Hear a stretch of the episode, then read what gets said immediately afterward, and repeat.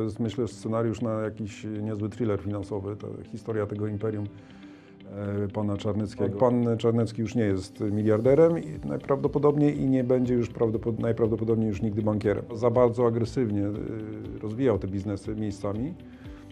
E, To go myślę zgubiło. Pan Czarnecki jest na etapie spieniężania już tego swojego, pozostałości tego swojego imperium. Mis-selling tak zwany, czyli nieuczciwą sprzedaż na masową skalę i to jest jeden z takich niemalże podręcznikowych przypadków e, mis-sellingu, kiedy właśnie ludziom nieświadomym e, ryzyka, często jakimś seniorom, doradcy, nieuczciwi doradcy banku e, sprzedawali zamiast, czy transferowali środki z lokat bankowych na te obligacje.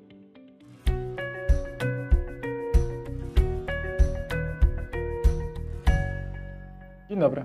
Państwa moim gościem jest dziś dr Rafał Pukasz, członek Rady Nadzorczej Grupy Kapitałowej Immobile oraz przewodniczący Komitetu Audytu, a przede wszystkim wieloletni bankowiec, autor publikacji naukowych z zakresu bankowości i finansów. Dzień dobry. Dzień dobry. Pan doktor jest autorem książki o bankructwach, bankructwach banków i skoków, dlatego dziś porozmawiamy o Leszku Czarneckim. Panie doktorze, jak to jest, że człowiek, który miał, na, dysponował wieloma miliardami złotych, utrzymywał się w czołówce najbogatszych Polaków, dziś jest osobą, o której pan pisze, były miliarder i były bankier. Jak to się stało, że tak dobrze szło, a teraz jest osobą, o której pisze się w publikacjach naukowych jako o człowieku, któremu przymusowo odebrano dwa banki? Jak to się stało? To jest dobre pytanie. To znaczy on chyba sam do końca nie wie. E, Pan Czarnecki był do pewnego momentu bardzo dynamicznie rozwijającym swoje biznesy przedsiębiorcą, skupiającym się na branży finansowej. E, I można powiedzieć, że to go chyba, y, może nie sam fakt, że to była branża finansowa, ale to, że on po prostu był za, bardzo agresywnie y, rozwijał te biznesy miejscami, e, to go myślę zgubiło, a jego, jego biznesy zgubiło. E, Dodatkowo on jak zaczynał swoje te biznesy, powiedzmy, że tam w początku tego stulecia, no to one jeszcze w innych realiach też funkcjonowały, prawnych, y, politycznych również, niż teraz. Y, To na przestrzeni lat te rzeczy, te, te, te, ta, to otoczenie się zmieniało. Y, Regulator dużo mocniej nadzoruje instytucje finansowe, Regulacje też zostały różne wprowadzone, polityka prokonsumencka jest y, dużo ostrzejsza niż kiedyś. Między innymi z przepisów unijnych to wszystko Tak wynika, jest. prawda? Tak jest i z z orzecznictwa sądów też. Y, To tutaj przykład Frankowiczów przede wszystkim, nie? To, jest, to jest duża sprawa. No dobrze, bo był czas, kiedy Europejski Fundusz Leasingowy i różne przedsięwzięcia Leszka Czarneckiego odnosiły sukcesy. On kupował, e, czy też przejmował mniejsze, na przykład banki, Górnośląski Bank Gospodarczy, Bank Przemysłowy w Wschodni Bank Cukrownictwa. To wszystko rosło do pewnego momentu, było dobrze. A teraz, jeśli podsumujemy listę tych e, firm, które, o których Państwo pewnie słyszeli, a które no, już albo nie istnieją, albo zostały Leszkowi Czarneckiemu odebrane, to ta lista jest imponująca. Lions Bank, Idea Bank, Open Finance, to był duży pośrednik. Pamiętamy te reklamy, e, duża sieć w całej Polsce. Home Broker, Taxker, Getin Noble Bank, a teraz nawet Idea Bank Ukraina. To jest długa lista, no i to się wszystko posypało. Tak, tak, to jest, to jest niesamowite. To jest myślę scenariusz na jakiś niezły thriller finansowy, ta historia tego imperium e, pana w- jak on to budował. E, Trzeba przyznać, że na początku mu szło nieźle. E, Miał, że tak powiem, nosa do skupowania jakichś e, upadłych czy podupadłych banków, czy rozwijał te biznesy bardzo sprawnie, trzeba przyznać. Natomiast no, później to się zaczęło sypać w efekcie, tak jak już na wstępie powiedzieliśmy, różnych okoliczności, które się po prostu zaczęły zmieniać, czyli właśnie To może Idea Bank. Pan pisze wprost. Model biznesowy Idea Banku od początku był wadliwy, co skończyło się katastrofą po kilku latach. Co tam nie grało? Tak, no to był bank y, z jednej strony bardzo innowacyjny, y, wiele ciekawych rzeczy wprowadził na rynek, y, technologicznych rozwiązań, jakieś mobilne placówki, mobilne bankomaty, różne karty płatnicze innowacyjne, ale niestety również zaczął sprzedawać i to na masową skalę różne produkty inwestycyjne, z których część okazała się po latach toksyczna, zwłaszcza obligacje getbacku spółki windykacyjnej, o której Państwo może słyszeli, wielka afera z 2018 roku, e, które to papiery straciły większość na wartości. E, Plus jeszcze parę innych y, inwestycyjnych instrumentów, takich jak różne certyfikaty inwestycyjne funduszy zamkniętych, częściowo również opartych na te obligacje getbacku. Także to, to, to, to niestety e, e, podtopiło ten Idea Bank. Z drugiej strony mm, on, ten model biznesowy był również wadliwy, bo oparty był mm, w za małej mierze na e, obsłudze masowych klientów. Te największe polskie banki, one są bezpieczne również dlatego, że mają miliony klientów i nie prowadzą jakichś ryzykownych, e, czy w niewielkim stopniu jakieś ryzykowne e, operacje. Natomiast Idea Bank skupiał się na, małych, na obsłudze małych firm przede wszystkim i trochę na obsłudze klientów detalicznych, których nie miał jednak za zbyt wielu relatywnie. Także to był taki stosunkowo nieduży bank. Więc e, zamiast budować bazę depozytową, znaczy próbował, ale mu to nie wyszło, żeby jakąś wielką tą bazę depozytową zbudować, no to e, ratował się sprzedażą, czyli dochodami prowizyjnymi właśnie ze sprzedaży różnych takich dziwnych instrumentów finansowych, z których, tak jak wspomniałem, część się okazała toksyczna. Przymusowa restrukturyzacja to jest też coś, czego kiedyś nie było. Teraz e, tak się generalnie robi, że jeśli bank może zostać przejęty w taki sposób, żeby tam jak najmniej strat było, to tak się dzieje. PKS, PKO SA jest bankiem, do którego trafili ci klienci. Dla zwykłego klienta, który miał tam tylko depozyt do 100 tysięcy euro, nic się nie zmieniło. Byli nawet tacy. Ja pamiętam ten dzień, gdzie ogłoszono, że Idea Bank e, zostaje przeniesiony do nowych struktur. E, On miał cały czas wysokie e, propozycje lokat. Byli ludzie, którzy tego dnia chcieli jeszcze tam wpłacić pieniądze, bo wiedzieli, że on jest w sumie w PKO SA, ale jeszcze cały czas ma to oprocentowanie stare, wysokie mm, dla, dla lokat. No i ludzie poczuli się pewnie chcieli jeszcze tam, tam wpłacać. Tak. Tak, no pod koniec grudnia 2020 roku doszło do przymusowej restrukturyzacji. E, Bank już miał od dłuższego czasu e, negatywne wyniki, e, ujemne kapitały, co de facto jest przyczynem, przyczyną tego, że, że, że bank e, no, zmierza ku przepaści.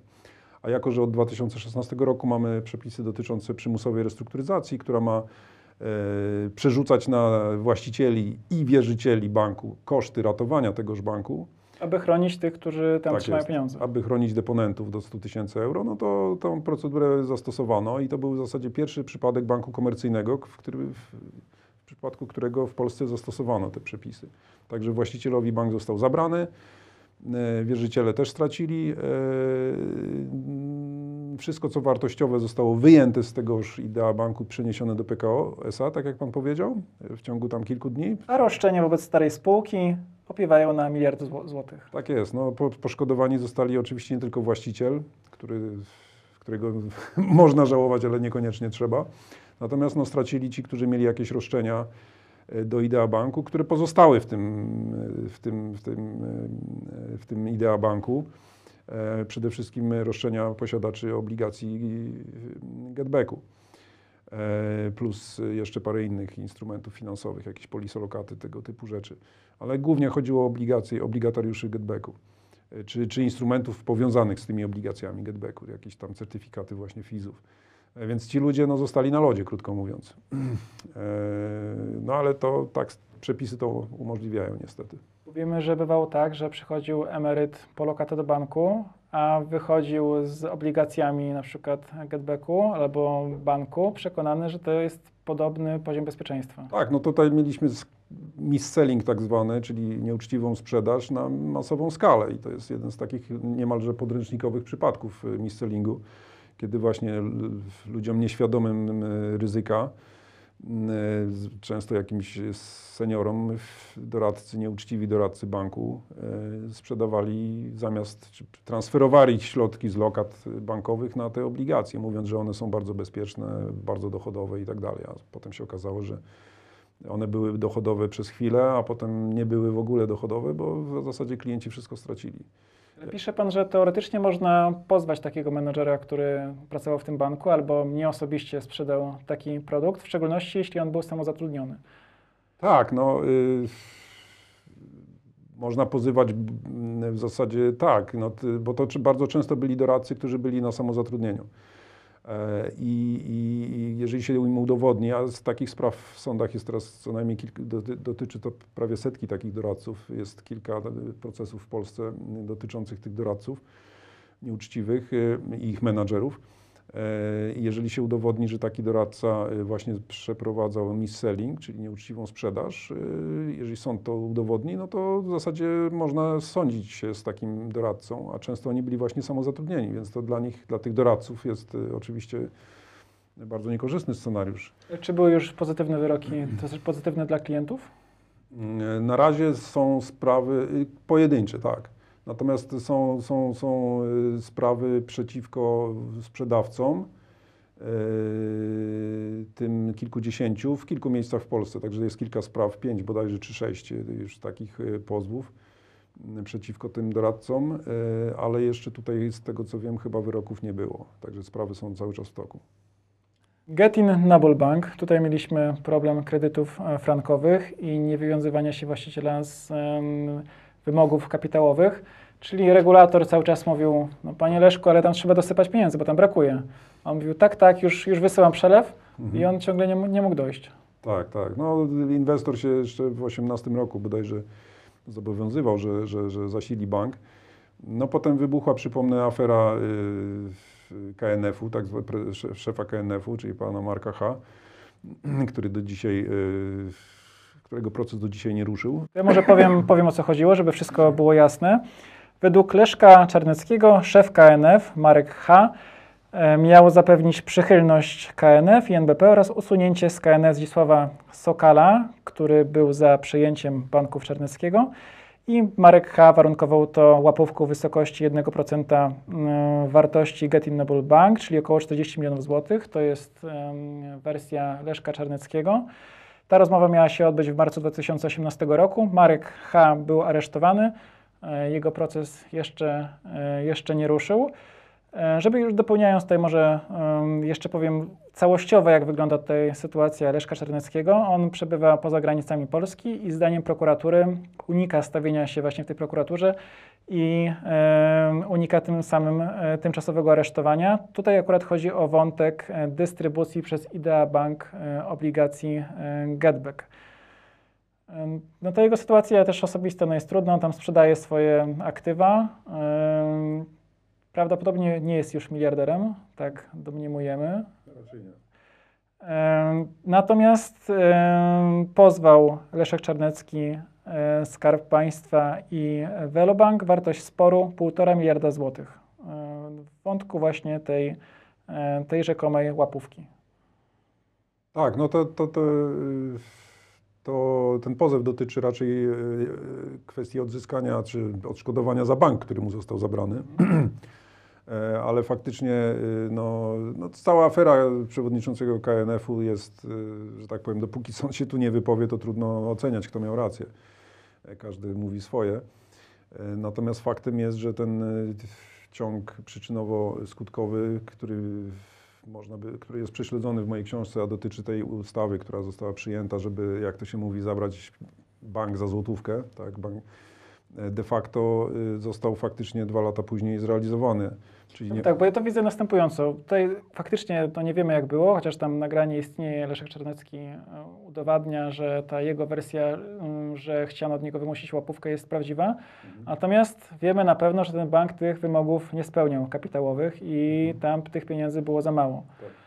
I em, o tym trzeba mm, pamiętać. I ta restrukturyzacja tego, tego banku, ona też ma takie elementy, mm, albo była pierwsza tak duża, albo takie elementy, gdzie możemy się zacząć zastanawiać, czy to nasze na przykład obligatariusze, czy też akcjonariusze pozostali na lodzie, czy to wszystko jest ok. Y, Czy to jest ok, że zostały zabrane akcje Czarneckiemu? Y, No, są dwie kwestie, kwestia prawna i kwestia moralna czy etyczna. Zgodnie z prawem zostało to zrobione lege artis na podstawie ustawy z 16 roku, która jest z kolei implementacją dyrektyw unijnych. Y, Wierzyciele też stracili, natomiast nie tyle, co w przypadku Getin Banku, który dwa lata później został zrestrukturyzowany. Tam wierzyciele dużo więcej stracili. E, No więc y, no możemy tu rozpatrywać kwestie moralne, czy to dobrze nastąpiło, czy to dobrze, że mu zabrano ten bank. On faktycznie zmierzał ku przepaści. Wyniki finansowe były tragiczne. E, Można było sobie wyobrazić, że zostanie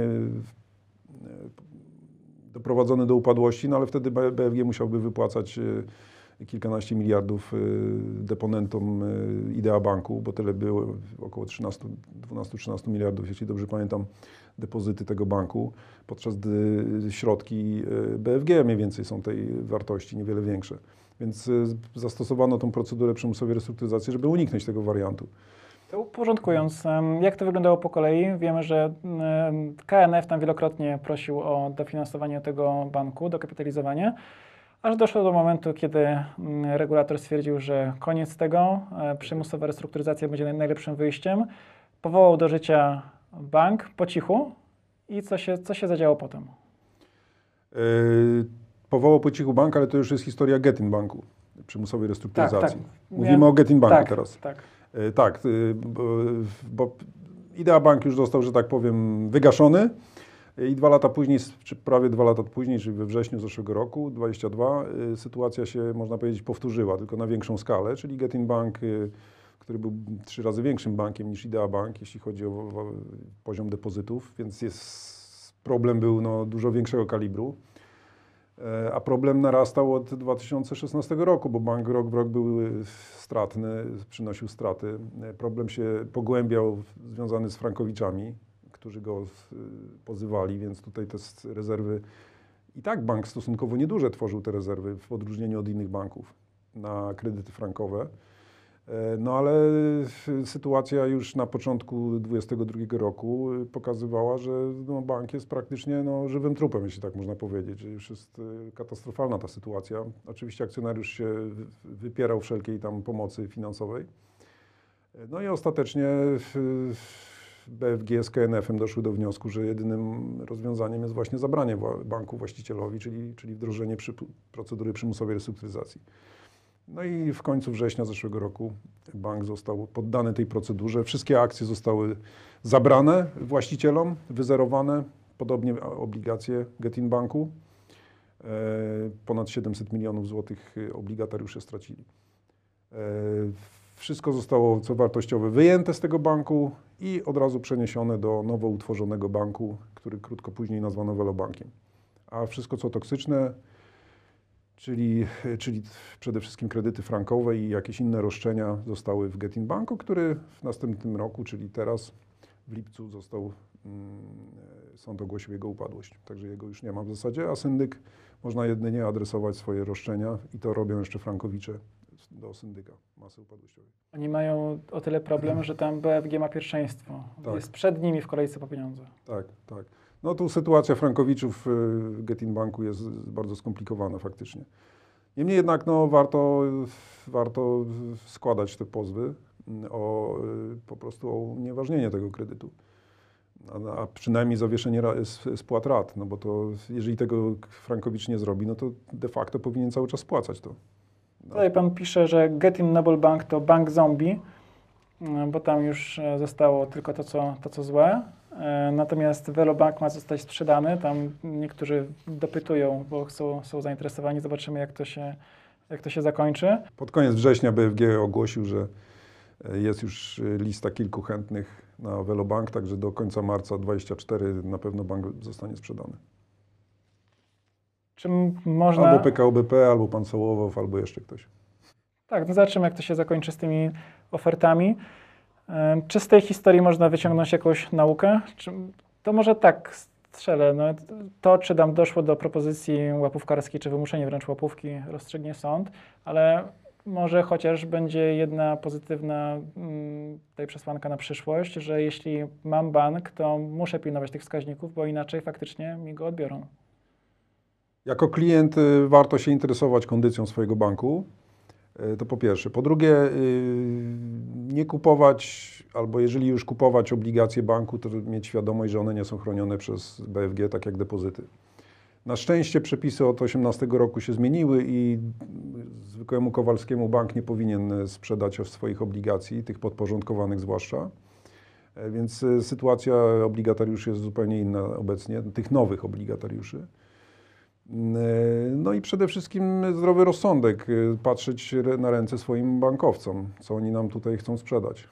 Punktu widzenia właścicieli banków, bo to w sumie miałem na myśli, Mm, Czy można się spodziewać, że po tych e, historiach Leszka Czarneckiego mm, ktoś, kto dostanie, właściciel banku, który dostanie e, wskazanie od KNF, że ma dosypać pieniędzy, bardziej się tej spręży, jednak ich dosypie?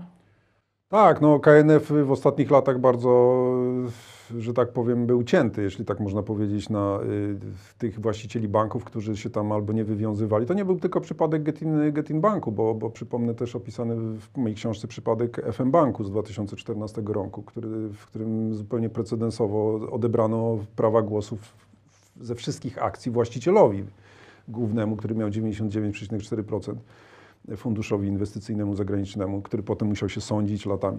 Więc y, krótko mówiąc, y, na pewno y, klienci czy, czy drobni inwestorzy w bankach obecnie są, mogą się czuć bezpieczniej niż ci, którzy tam kiedyś inwestowali w akcje czy obligacje banku. KNF jest na pewno dużo bardziej teraz wyczulony, dużo bardziej restrykcyjny w stosunku do właścicieli banków. Przepisy też się zmieniły od tego czasu. E, I ten, który kupi Velobank, pierwsza kwestia, że Velobank jest teraz czystym bankiem. Nie ma żadnych tam obciążeń. Wszystko zostało wyjęte, z, co, co, co, co było jakoś toksyczne. E, Ale ten na pewno to będzie nowy właściciel, który będzie wiarygodny. E, To nie będzie. No, pan Czarnecki się skompromitował. No, zresztą na Ukrainie również mu ten bank zabrano jego.